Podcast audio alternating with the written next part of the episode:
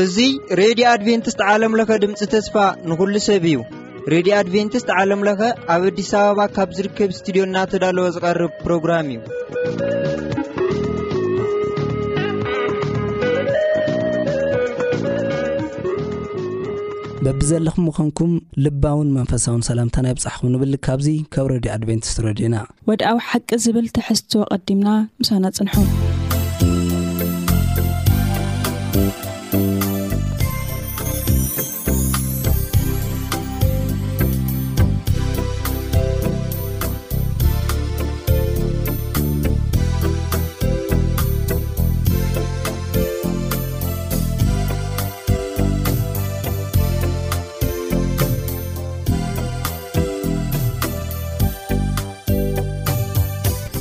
ሰላም ከመይ ቐኒኹም ፍትዋት ተኸታተልቲ መደብ ወደዓዊ ሓቂ እዚ ኣብ ሰሙን ሓደ ግዜ እናተዳለወ ዝቐርበልኩም መደብ እዩ ኣብ ናይ ሎሚ ትምህርትና ንሪኦ ድማ መበል ሻውዓይ ትምህርቲ ወደዓዊ ሓቅና ንጎረቤተይ ምግልጋል ብዝብል ርእሲ ኢና ክንመያየጥ ኣብዚ ዘለና ሓፍትና ሳሌም ነጋሲ ሓውና ኣማን ፍስሃየን ኣነ እስከዳር ኣሸናፍን ብሓባር ኣለና ፕሮግራምና ቅድሚ ምጀማርና ሓውና ኣማን ጸሎት ትገብረልና እዩ ኣብ ሰማያት ነብር ቅዱስ እግዚኣብሔር ኣምላኽና ነመስግነካ ኣለና ምሕረትካን ፍቕርኻን ኣብ ሕይወትና ኣብዚሕኻ እግዚኣብሔር ቃልካ ኸነጽንዕ ንኻልኦት ንበረኸት ክንከውን ንስኻ ስለ ዝረዳእኻና ነመስግነካ ሕጂ ድማ ኣብ ዝተፈላለዩ ቦታታት ሬድዮታትኩም ከፊቶም ፕሮግራማትና ዝከታተሉ ነዚ ቓልካ ባዕልኻ ትገልጸሎም ብቓልካ እውን ክትፍውሶም ንልምን ብጐይታና መድሓና የሱስ ክርስቶስ ስም ኣሜን እቲ መእተዊ ጥቕሲ ዝተወሰደ ካብ ሉቃስ መራፍ 1 ቁፅሪ 27 እዩ ንሱ ኸኣ ንእግዚኣብሔር ኣምላኽካ ብምሉእ ልብ ብልብኻን ብዅሉ ነፍስኻን ብዅሉ ሓይልኻን ብዅሉ ሓሳብካን ኣፍቅሮ፣ ንብጻይካ ድማ ከም ነፍስኻ ኢሉ መለሰሉ። ከም መእተዊ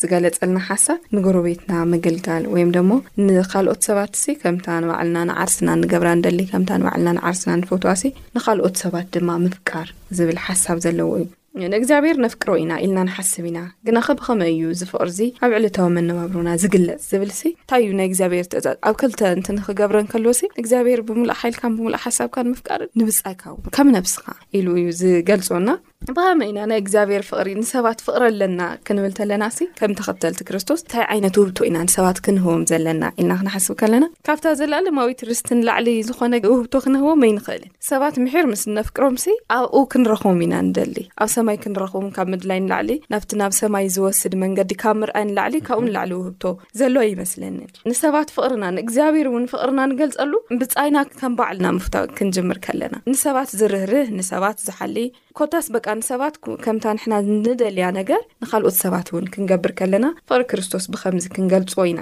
ኩል ግዜ ንእግዚኣብሔር ኣፍቅሮ ኢየ ክብል ይኽእል ኢዩ። ንእግዚኣብሔር ምፍቃር ማለት ግን ኮነ ኢልካ ብእውነት ትገብሮ ነገር ኢዩ። ክርስቶስን ባዕሉስ ምሳኹም ኣብ ጥቓኹም ዘሎ ሰባት ዘይፈተኹምሲ ኣብ ሰማይ ዘሎ ዘይረኣኹምዎማ ብኸመይ ኢሉ እውን ክጥይቖም ከለዉ ንርኢ ኢና። ትኽክል ኢዩ። ኣብ ናይ እሁድ ዘሎ ሓሳብ እታ ናይ ሕቶታት ሕቶ እትብል ርእሲ ዘላታ ሓፍትና ሳሌም ግሩም መብራርያ ክተበልናያ ወድ ከኣኒ እታ ናይ ሕቶታት ሕቶ ትብል ሓደ ናይ ሕጊ ምሁር ናብ ክርስቶስ መጽዩ ጽቡቕ ዝኾነ ሕቶ ሓቲትዎ እዚ ማንም ሰብ ዝደልዮ እዩ መን እዩ ብጻየይ ምክንያቱ በቲ ሽዑ ሰዓት ሳምራውያንስ ኣይሁዳውያን ኣሕዋትኩም እዮም ተልኩሞ ኣይሁዳውያን እውን ሳምራውያን እዮም ኣሕዋትኩም ተልኩምዎም ኣይቅበሎን ናይ ሕጊ ምሁር ዝኾነ ሰብ ኣይመጽኢ ንክርስቶስ ክጥይቆ ከሎ ንኣመጻጽኡ ግን ንምፍታን እዩ ነይሩ ሓደ ናይ ሕጊ ምሁር እዩ ግን ዝምሁሩ እዚ ሓደ ነገር ኣይፈልጥን ብጻይ መን ምዃና የሱስ ብደንቢ ገይሩ ብጻይ መን ምዃና ምሂርዎ። ደሓር ኣልዒሉ ክምህሮ ከሎ ንርኢ። እቲ ዝወደቐ ሳምራዊ ናቱ ታሪክ ነጊርዎ። ኣብቲ ሽዑ ሰዓት መን ከም ዘልዐሎ ነጊርዎ። ሳምራዊ እምበር ፈሪሳዊ ኮነ ኣይሁዳዊ ከም ለይተሓዋወርዎ፣ ከም ለይረኣይዎ፣ ደሃይ ከም ለይገበርሉ፣ ከም ዘይጠመትዎ ይነግረና። እዚ ሰብኣይ ክጥይቖ ዝሓሰቦ ታይ እዩ ዝብሃል ወለድና ክምስሉ ከለዉ ስራሕ ንሰራሒኡ ዕሾኽ ንሓጻሪኡ ዝብሃል። ክኣስር ኢሉ ከይዱሲ ንውዓል ተኣሲሩ መጽዩ። ሲጀመር ንክርስቶስ ክትፍትኖ ኣይትኽእሊ ክርስቶስ መርማር እምበር ተመርማር ኣይኮነን ጥልቂ እዩ ክርስቶስ ንምልሰልና ምልሳት ኣብ ሕድሕድ ኣብ ዝነበረሉ ዘመናት ዘን ሰለስተ ዓመት ዘገልገለን ዘናይ ወንጌል ዓመታቱ ማንም ሰብ ክምልሶ ዘይክእሉ መልስታት ኣብ ምድሪ ብዙሓት መልስታት መሊሱ እዩ ተዛዓበ መልሲ ዝመለሶ ብፃይካ መን ኢሉ እዩ ብዙሕ ሰብ በዚ ሕጂ ሰዓት ናይ ዘረኝነት ናይ ገለገለ ኣብ ዝተበላሸየሉ ምድሪ ብፃይና ዝጠፈአና ሰዓትን ግዜ ንና ንርከብ ንሓደ ሰብ ምፅላይ ንሓደ ሰብ ምፍላይ በቲ ሽዑ ሰዓት ኣይሁዳውያንን ሳብራውያንን ዝገርዎ እዩ ነይሩ እና ሕጂ ተሪኢኻ መን እዩ ታዋኢ ዝበሃል ነገር እዩ እታ ልዕልቲ ኮንካ ታዋኢ ዝበሃል ነገር እዩ ዝመፅእ ካበይ ይመፅ እዩ ሰብ ምዃኑ ሰይኣክል ሰብ እዩ ኢሎም ስታይ የገበርዎ ይመሲልኩም ኣይ ልዕሊ ወይ ነቲ ዝወደቐ ዝተሃረመ ሰብኣይ ሳምራዊ ግን ብዘይገድስ ኣብ ልቡ ዝሓደረ መንፈስ ማንም እንተልረክብስ ከልዕል ከም ድኽእል ዓይነት ሰብ ከም ድኾነ ሳምራዊ ግን እቶም ናይ ሕጊ ምሁራት ትኾኑ ንዚ ነገር እዚ ክገብሩ እንታይ ከም ዝእግዶም እዩ ዝነግር ሕጊ ሕጊ ሙሴ ኣይኮነ ባይዘ ወይ ናይ ዓለም ሕጊ እዩ ወይ ናይ ሲነ ሕጊ እውን ኣይኮነ ናይ ሲነ ሕጊ ከምኡ ኣይብል እዩ ፈሪሳውያን ካበይ ከም ዘምፅዎ ኣቦኡ ንሙሴ ኮነ ሙሴ ንውዓሉ ዘርኢ ንውዓሉ ኣይፈልጦ እዩ ዝሕጊ እዚ ነገር እሱ ከም ዘስተኻኸሎ ብፃዩ ከም ዝነገሮ እቲ ሰብኣይ ንሱ ባይዘ ወይ ብጣዕሚ ልቡ ተነክዩ እዩ ዝብል ኣብ ሓደ ሓደ መግለፂ ዝተዋወሎም መፅሓፍታት ከይድና ክንርኢ ከለና ብፃይ መን ምዃን ነጊርዎ ወይ ኣይሁዳዊ ወይ ገለለ ይኮነስ ሓደ ወዲ ሰብ ንሱ ብፃይ ከም ድኾነ በቃ ለግናዮ ሰብ ብምልኡ እንታይ እዩ ብፃይ እንታይ ግን ክኸውን ክኽእል ኣለዎ የሱስ ምንም ነገር ዕንቅፋት ከይጋጠሞ ከምዚ ጥያቄ እዩ ከም ዝመለሰሉ ልክዕ ትሳምራዊ ኢለ ልክዕ ከምኡ እዩ ገይሩ ተመፃፅኡ የሱስ እንታይ ከም ዝገበሩ ኢና ንርኢ ከም ዘስተኻኸሉ ኢና ተወሳኺ ሓሳብ ኣላት ንብዚኣ መልዓሊ ናይዚ ሓሳብ እዚኣ ኣብ ሉቃስ መራፍ 1 ፍቅዲ 25 ዘላ እያ ሉቃስ መራፍ 1 ፍቅዲ 25 እንታይ እያ ትብል እንኡ ከዓ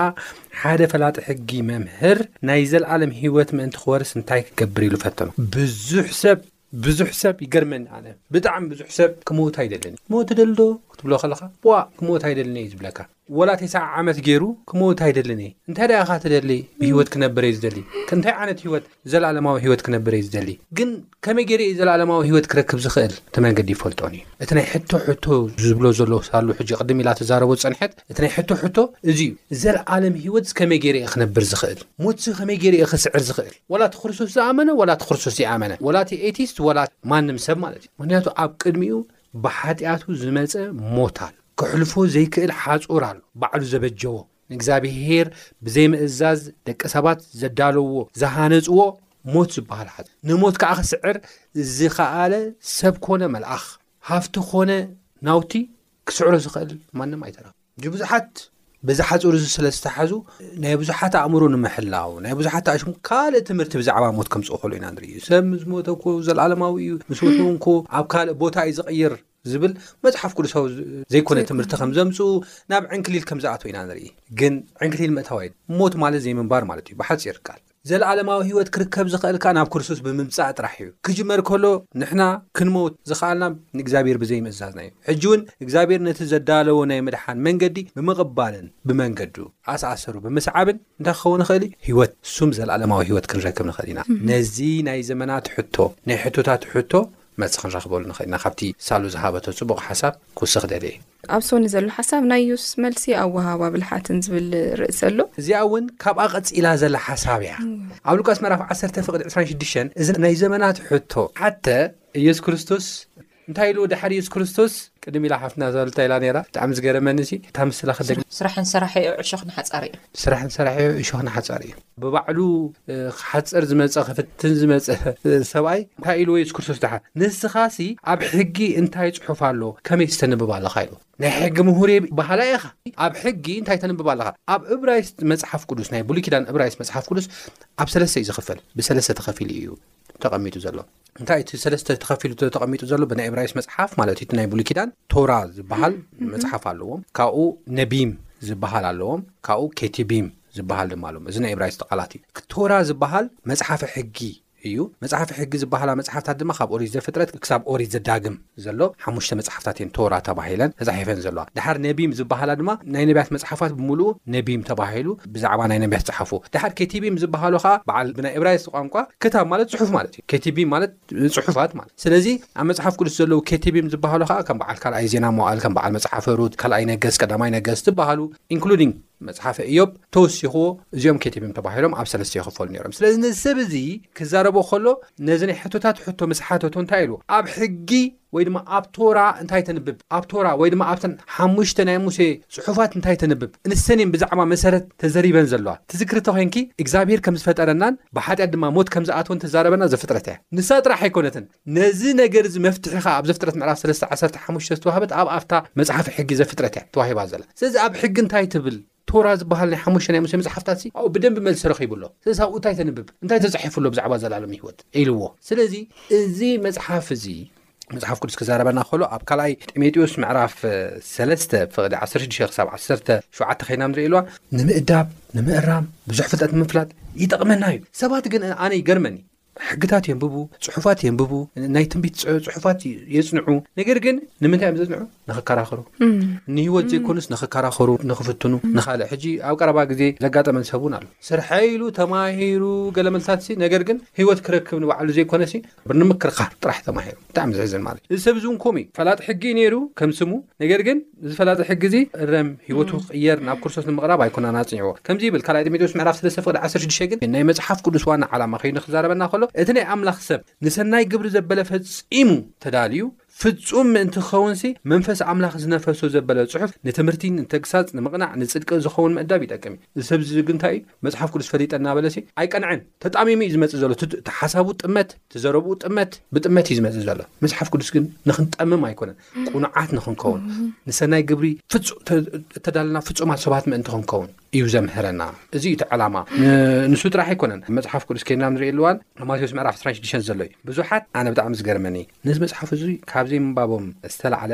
ዘጋጠሞም ነገራት ኣሎ ሃዲሞም እዮም ብዘይ ምስትውዓሎም የሱስ ክርስቶስ ግን ዳሓርታ ኢልዎም ተንስኡ ገለመልታት መሰዛረቡ እንደገና ንመጽሓፍ ቅዱስ ከምብቡ እዩ ዓዲምዎም ናብ መጽሓፍ ቅዱስ ኪዱ መጽሓፍ ቅዱስ ኣንብቡ ኢልዎም እንታይ ኢሎም እዚ ዅሉ ግና እቶም መጽሓፍቲ ነቢያት ምእንቲ ክፍጸሙ ዀነ ሽዑ እቶም ደቀ መዛሙርቲ ዅሎም ከኣ ሓዲጎሞ ሃደሞ ንምንታይ እታ መጽሓፍ ቅዱስ እተጽሓፈ ስለ ዘየስተውዓሉ ዛረቦም ዝነበረ ስለ ዘየስተውዓሉ በዚ መልክዕ እዚ ደው ክብሉ ከም ዘይከኣሉ እዩ ዘርእየና ማለት ስለዚ መጽሓፍ ቅዱስ ከነንብብ ኣለና የሱስ ክርስቶስ እትቁመና ኣብ ሕጊ እንታይ ተጻሒፉ ኣሎ? ኣብ ቅዱስ መጽሓፍ እንታይ ተጻሒፉ ኣሎ? ኣብቲ ናይ እግዚኣብሔር መንፈስ ዝነፈሶ መጽሓፍ እንታይ ተጻሒፉ ኣሎ? ኣብኡ ነንብብ። ንሕቶታትና ኩሉ መልሲ ኣብኡ ኣሎ። ናብኡ ንዑ እዩ ዝብለና። ናብኡ ምጹ። ሰብ ግን ሎሚ ኣብ ክንዲ ንሕቶታቱ ናብ ቅዱስ መጽሓፍ መጺኡ ኣብ ክንዲ መልሲ ንምርካብ ባዕሉ እናተፋላሰፈ ክረክብ ይፍትን ነገር ግን ኣብ ዘይኮነ ዝወድቅ። ክብላ ይዳልየ እየ። ናይ እግዚኣብሔር ናይ ኢየሱስ መልሲ ኣወሃህባ ብልሓት ንሕናም ካብኡ እንመሃሮሲ ከመይ ንሰባት ክንምልስ እውን ከም ዘለና ብኸመይ ዓይነት ወይ ካብቲ ኣነ ብጣዕሚ ዝገርመኒ ኣመላልሳሲ እዚ ብትምህርታዊ ብዝኾነ መንገዲ እዩ ገሊጽሉ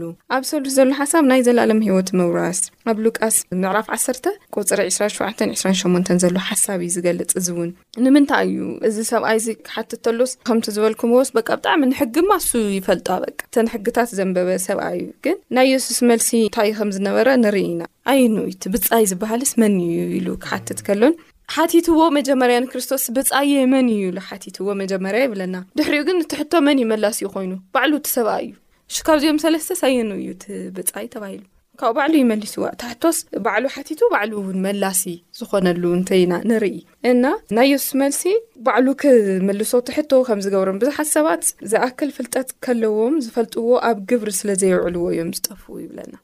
ከምቲ ኣማነይ ናገልፅካዮ ዝነበርካስ ብጣዕሚ ዘንብቡ ብጣዕሚ ዝተምሃሩ ግን ንሂወት ዘይኮን እቲ ሰብኣይቲ ምሁር ሕጊ እውን ከምኡ እዩ ነይሩ እቶም ሕግታት ይመስለኒ እውን ኣብቲ መጽሓፍ ዘሎ ካብቶም ደቂ መዘሙርቲ ንላዕሊ ዝፈልጥ ሰብ እዩ ግን ሂወት የብሉ ፈሊጡ እውን ክከራኸር እኮ እዩ መፅኡ እታይ እዩ ክበሃል እዎ እታይ እዩ ክበሃል ብዝብል ግን ሂወት ስለ ዘይነበሮ ንፍልጠት ብቻ ስለ ዝነበረ ግን በቃ ፍልጠት ኮይኑዎ ጥራሕ ቀር እዩ ኣብ ሂወት ዘይረአ ነገር ኮይኑ ኢየሱስ ክርስቶስ እውን ካልእ መልሲ ኣይመለሰሉን ኣብኣ ክትሪኦ ከለኺ እንታይ ተንብብ ኣብ ሕጊ ምስ በሎ ኢየሱስ ክርስቶስ እንታይ ኢልዎ ንሱ ከዓ ንእግዚኣብሔር ኣምላኽካ ሓይልኻን ብኩሉ ሓሳብካን ኣፍቅሮ ንምጻይካ ድማ ከም ነፍስኻ መልሰሉ ንሱ ከዓ ኢየሱስ ክርስቶስ ከዓ መልሹ እንታይ ኢልዎ ጽቡቕ መለስካ ከምኡ ግበር እሞ ብሂወት ክትነበር ኢኻ ኢልዎ ምክንያቱ ከምህሮ እውን ኣይደለይን ፈላጥ ኢሉ እዩ ዝሓስብ ዝተወሰነ ፍልጠት እውን ኣለዎ መቸም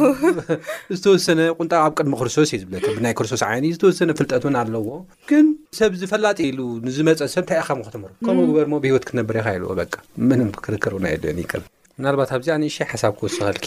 ቅድሚ ናብ ሳሌም ምኻድና ማለት እዩ ኣብዚኣ ክውስኸልኪ ዝደሊ ሕግስ ይኣሕልዎን ነይሩ ኢልኪ ሰብ እዚ ምሁር ሕጊ እዩ ግን ሕጊ ይሓለዎን ሕጊ ዝሕልዎ ግን ኣይነበረን እዚ ክንብል ዘደፋፍረና ወይ ድማ ዘኽእለና ነገር እንታይ እዩ ክልተ መንገዲ እዩ ቀዳማይ እዚ ሰብ እዚ ንእግዚኣብሄር ካብ ልቡ ዘፍቅር ተዝኸውን ንብፃዩ እንታይ ክገብር ይግብኦ ነይሩ? ንየሱስ ክርስቶስ ብጻዩ ማለት እኮ ብኡ ዘሎ የሱስ ክርስቶስ እኮ እዩ። ንብጻዩ ክፍትን ኣይመጽእን እዩ። መፈንጠራ ከቐምጠሉ ይመጽእን እዩ። መፈንጠራ ከቐምጠሉ ይመጽእ እዩ። ኣብ ቅድሚ ሰብ ከዋርዶ ይመጽእ እዩ። ስለዚ ኣብ ውሽጡ ናይ እግዚኣብሔር ፍቕሪ ኣይነበሮን ኣይነበሮን እታ ሕጊ ደኣ ይፈልጣ እዩ ነይሩ እምበር ንብጻዩ መፈንጠራ ከቐምጥ ርእሱ ኣዕል ኣቢሉ ምሁር ከም ዝኾነ ንኸርኢ እዩ መጽኡ ስለዚ ቃል ኣምላኽ ፈሊጥና እንተ ደኣ ንሓውና መፈንጠራ ክንገብረሉ ይብል እኮዩ ኣብታ መእተዊ ዘንበብክያ እስከዳር ሓፍትና ሓንቲ ጥቅሲ ኣላ ኣብ ቀዳማይ ዮሃንስ ምዕራፍ ኣርባዕተ እንታይ ትብል መስለኪ ነቲ ዝረኣዮ ሓዉ ዘየፍቀረሲ ዘይፍቀረሲ ኣዎ ነቲ ዘይረኣየ ኣምላኽ ኣፍቅሮ እየ ተበለስ ከመይ ጌሩ ክኸውን ይኽእል ሓሶት እዩ ከመይ ጌሩ ከፍ- ከፍቅር ይኽእል መጀመርያ ነቲ ዝረኣዮ ሓዉ የፍቅር ደሓር ኣምላኽ ኣፍ- ኣፍቅሮ እየ ተበለ ምናልባት ሎጂካል ክኸውን ይኽእል ዝብል እምነት ኣለዎ እና እዚ ሰብ እዚ ግን ሕጉ ኣይሓለወን ንብለሉ ዋና ዘለና መንገዲ ያቆብ ውን ዘልዓልክሉ ሰብ ሕጉ ክሕልሎ ኢልኪ ዝነገርክሉ ዋና ነጥቢ ንሱ እዩ ከም ፍቃድ ኣምላክ ሕጊ ዝብል ቃል ብዙሓት ሰባት ስለ ዘይፈትው እየ ፍቃድ ኣምላክ ኢለ ዘልዕላ ዘለኩ እና ክነብር ክክእል ኣለዎ ከምቲ ዝዛረቦ ክነብር ክክእል ኣለዎ ምክንያቱ የሱስ ክርስቶስ ኣብ ማቴዎስ ምዕራፍ ሸውዓተ ሲ ፍቃድ እቲ ኣብ ሰማይ ዝነብር ኣቦይ ደኣ እምበር ኣው በቃ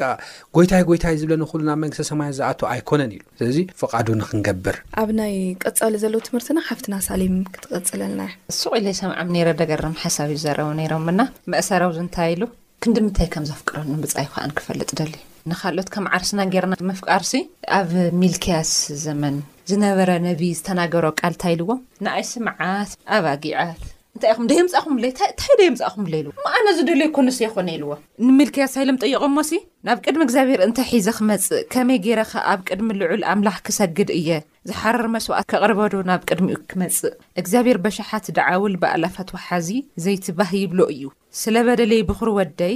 ስለ ሓጢኣት ነፍሰይ ከኣ ፍረ ኸርሰይዶ ክወፊ? ኢሎም ምስ ተዛረቡ፣ ነብዪ ሚልክያስ ከምዚ ኢልዎም፣ እግዚኣብሄር ካብ ህዝቡ ዚጽበዮ፣ ኣታ ሰብ ንሱ ሰናይ ዘበለ ኣፍለጠካ። እግዚኣብሄር ቅንዕና ኽትገብር፣ ምሕረት ከኣ ኽትፈቱ፣ ምስ ኣምላኽካውን ብትሕትና ክትመላለስ እንተ ዘይኰይኑ፣ ካባኻ እንታይ እዩ ዚደሊ? እቶም ምሳና ዚነብሩ ሰባት ብምሕረት ዓይኒ ንጥምቶም፣ ንርሕርሐሎም፣ ነፍቅሮም፣ ንሓልየሎም፣ ከምቲ ደወለ ናብ መፈንጥራይ ነእትዎም እይ። ብዙሕ ነገር ኣይንገብሪ ኣውዚ እንታይ ይብል ሲ ብመሰረት እቲ ክርስቶስ ማቴስ ወንጌል ዕስራን ሸውዓተን ካብ ሰላሳ ዝካሩ ዓደሎ ከድና ክንርኢ ከለና ዝሃቦ መምርሒ ነይሩ ቅኑዕ መዓልታዊ ተግባራት ባይዘወይ ዕለታዊ ነመንጭው ምንጨታት ጽቡቅ ኣየር እዩ ዝብሎ ባይዘወይ ኣፍቃሪ ብጻዩ ንብጻዩ ዘፍቅር ሲ ውሽጡስ ልሙዕ ተኽሊ እዩ ይብሉ ናይ ፍልጠት ጥልቀት ውርደት ስፍሓት ቁመት የኾነይ ዝደሊ እስኻ ግሪን ኤርያ ከትከውንዩ ዝደሊ ፖዚቲቭ ቲንከራት ኣፍቀርቲ ብቐሊሉ ክሓሮ ይኽእሉ እዩ ስለምንታይ ንነብሶም ከምቲ ዝፈትዩ ወይም ንብፃዮም ዝፈትዩ ትክክል ዩ እዚ ሓሳብ ሲ እግዚኣብሔር ንዓና ዘለዎ ሓሳብ እውን የገርመን ነዚ መልቲ ደይመንሽን እዩ እዚ ሓሳብ ኢቨን ዋላ ምስቲ ፊዚካሊ ንብሎ ጥዕናናለሲ ንሰብ ዝጸል ንሰብ ዝቕየም ሰብስ ሃው ማች እዩ ኣእምርኡ ዝጨናንቕ ውን ዋላት ብቲ ሳይንስ ዝብሎ እውን ማለት እዩ እግዚኣብሔር ስንኡ ዋላ እዩ ዝጥንቀቐልና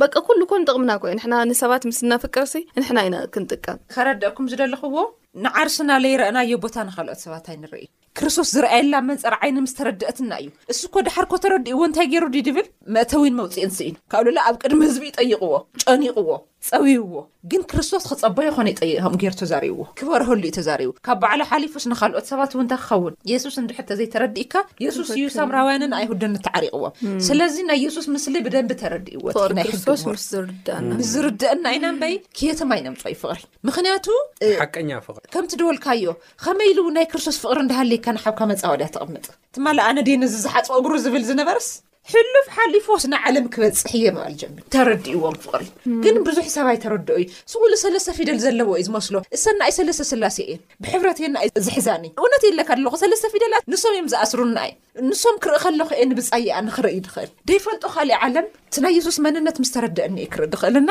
እወ እቲ ንብጻይካ ከም በዓልካ ምፍታይ ድብል እቲ ናይ መጨረሻ መእሰሪ ዝገበሮ ነቲ ናይ ሕጊ ምሁር በዚ እዩ ረቲዕዎ ንኹሎም ባይዘወይ ብፍቕሪ እዩ ረቲዕዎም ክርስቶስ እና ነዚ ኩሉ መእሰሪ ክኸውን ድኽእል ኣብ ሚልክያስ መጽሓፍ ካባኻ ምንም ኣይደልን ንብጻይካ ጠምት ንወገንካ ርእየለይ ንጎረበትካ ርእየለይ ልበለና በዚ መልክዕ እዚ ሓሳበይ ክወድእ ይደሊ። እግዚኣብሔር ይባርኽኪ ሳሉየ። ኣብ መጠቓለሊ ዛንታ እቲ ርሕሩሕ ሳምራዊ ሎሚ ዝብል ዘለዎ ሓሳብ ኣሎ ሓውና ኣማን ገልፀልና እዩ። እዚ ሕጂ ሒዝናዮ ዘለና ናይ መወዳእታ ሓሳብ ካብ ቁፅሪ 30 ክሳብ 37 ዘሎ ሓሳብ እዩ ንሱ ድማ ናይቲ ሕያዋይ ሳምራዊ እዩ ዘረዳኣና እና እቲ ሰብቲ ቅድም ኢላ ሳሌም ሓፍትና ብዛዕባ ብፃየ ከመን እዩ ብዝብል እስከ ዳር ሓፍትና እውን ገሊፅኪዮ ነርኪ ኢኺ ብዝኾነ ብዙሓት ሰባት ብፃይካ ኣፍቅር ዝብል ዘመድካ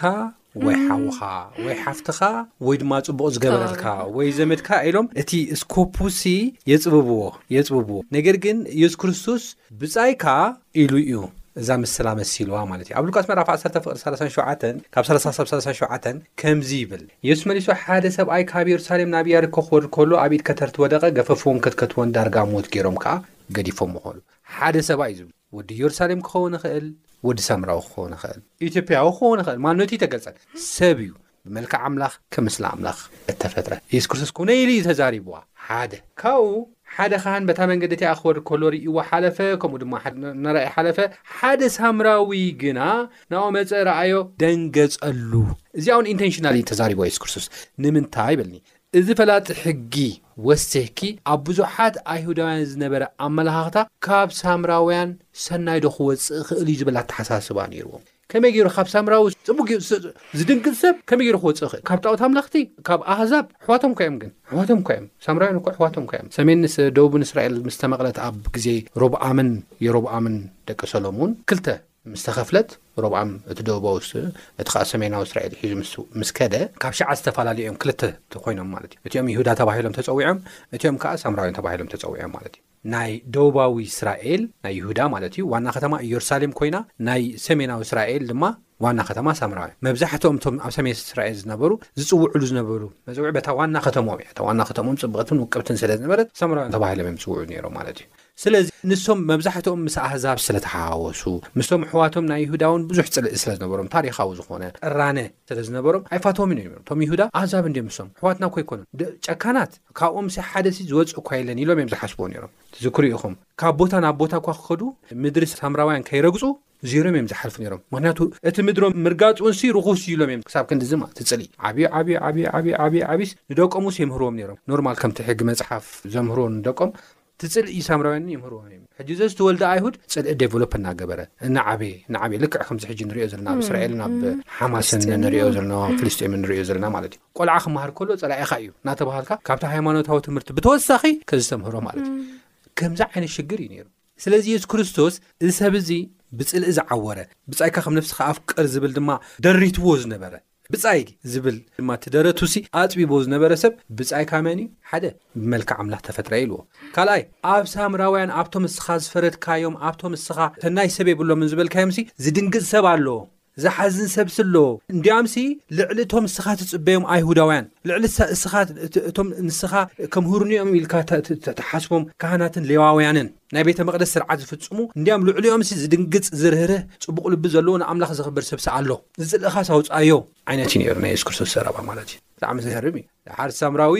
ክዛረቦ ከሎ ከይዱ ራሕሪሕሉ ጭራሽ ገንዘብ ክኸፍለካ እየ ትርኢት ግበሮ ኢሉ ከም ዝኸለ ኢና ንርኢ ስለዚ መን ይብጻ ኢልዎ ካብ ዝገርመኪ እቲ ፈላጢ ሕጊ ልቢ በሊ እዚ ኩሉ ታሪክ ተነጊርዎ ገለ መልታት ኦኬ ኢሉ መን እዩ ነዚ ክትራን ዝወደቐ ሰብሲ መን ይብጻ እዩ መልሳ እንታይ እያ ሳምራዊ ንሱ ግን ሳምራዊ ክብል ኣይደለየን እስቲል ናብዚ ኩሉ ታሪክታት እዚ ከዓ ልክዕ እዚ ኩሉ የሱስ ክርስቶስ ፅዒሩ ተዛሪቦ እንደገና መን እቲ ፅቡቅ ዝገበረሉ መን ይብፃዩ ምስ በሎስ እቲ ፅቡቅ ዝገበረሉ ኢሉ ሳምራዊ ከይገልፅ ኮይ እቲ ፅሉስ ክሳዕ ሕጂ ኣይገ እቲ ፅቡቅ ዝገበረሉ ይብፃዩ እና ንሓደ የሱስ ክርስቶስ ምንም ክብሎ ኣይከኣለን ኣንታ ኢልዎ እስኻ ውን ከምኡ ግበር ካልኣይ ግዜ እዩ ከምኣ ኢልዎ እንታይ ኢሉ ከንብብ ኣይደሊ ነቲ ኣብ ኢድ ከተርቲ ዝወደቀስ ካብዞም ሰለስተስ ብጻይ ዝኾኑ ኣየናይ ምስ በሎ ንሱ ከዓ እቲ ምሕረ ዝገበረሉ በለ ድሓር የሱስ ክርስቶስ ዝሰሓቀ ይመስለኒ ከምዚ ከማይ በቃ ዝገረሙ ርእሱ ዝነቕነቀ ገለ ይመስለኒ ድሓር እንታይ ኢሉ የሱስ ከዓ ኪድ ንስኻ እውን ከምኡ ግበር ከምኡ ግበር ዝብሎ ዘሎ መበል ካልኣይ ግዜ መበል ካልኣይ ግዜ መጀመርያ ኪድ ከምኡ ግበር ኢልዎ እቲ ሕግታት ምስ ሓተቶ ማለት እዩ ካልኣይ ግዜ ከዓ ሕጂ ከምኡ ግበር ኢሉ ኸነግሮ ከሎ ኢና ንርኢ ስለዚ እንታይ ኢና ካብዚ ንኸንመሃር ዝግባኣና ነገር ክበሃል ከሎ ቅድም ኢላ ሓፍትና ሳሌም ብፃይና ብመልክዕ ኣምላኽን ብምስሊ ኣምላኽን ዝተፈጥረ ሰብ እዩ ናይ እግዚኣብሄር ሰባት ንእግዚኣብሄር ዘኽብሩ ሰባት ኣለዉ እዮም ካብ ሃይማኖትና ወፃኢ ካብ ዓድና ወፃኢ ብዙሓት ሰባት ኣለዉ እዮም ካብቶም ንሕና ንጽልኦም ኢና ንብሎም ሰባት ተሃልዮም እውን ምናልባት ካብኦም እውን እግዚኣብሄር ሰብ ኣለዎ እዩ ዝብል ሓሳብ እዩ ዘለዎ ማለት እዩ ኣብዚ እንታይ እንትን ክብሎ ዝደሊ ናይ መጨረሻ ሓሳብ ሲ ናብ ሰማይ ክንከይድ ከለና ካብዚ ሒዝናዮ ንኸድ ነገርስ ባህሪና እዩ ይብል እና እንታይ ዓይነት ባህሪ እዩ ዘለና ኣብ ሰማይ ከይድና ኣብ ምድሪ ዘለና ባህሪ ንሰማይ ሒዝናዮ ተንኸድስ ይገጥም ዶ ዝብል ሓሳብ እውን ክንርኢ ምእንታ ምክንያቱ ኣብ ሰማይ ንረኽቦም ሰባት ሲ ካብ ዝለው ከፍ ብዙሕ ቦታታት ካብ ዓለም ሙሉእ ዝመፅእ ሰብ እዩ ሽዑ ኣስኦይ ንነብር እንዶ ንብል ንኸውን ኣይንብልን እና እቲ ኣብ ምድሪ እንርእዮ ባህሪ ኢና ንሰማይ ሒዝናዮ ንኸድ እንተይልና እቲ ኣብ ምድሪ እንርእዮ ባህሪ ዘይገጥም ተኾይኑ ምስቲ ዝተዋሃብናዮ ትእዛዝ ዘይኸይድ ተኾይኑ ኣይንኸድን ማለት እዩ ንሰማይ ሰማይ የለን ማለት እዩ እና ኣብዚ እዩ እቲ ልምምድ ዝጅምር ሲ ኣብ ምድሪ ብፃይና ንፎትየሉ እውን ኣብ ምድሪ እቲ ልምምድ ከም ዝጅምር እውን እዩ ዝነግረና ፅቡቅ ዝኾነ ፃንሒት እዩ ነይርና እግዚኣብሔር ይባርኽኩም ሰማዕትና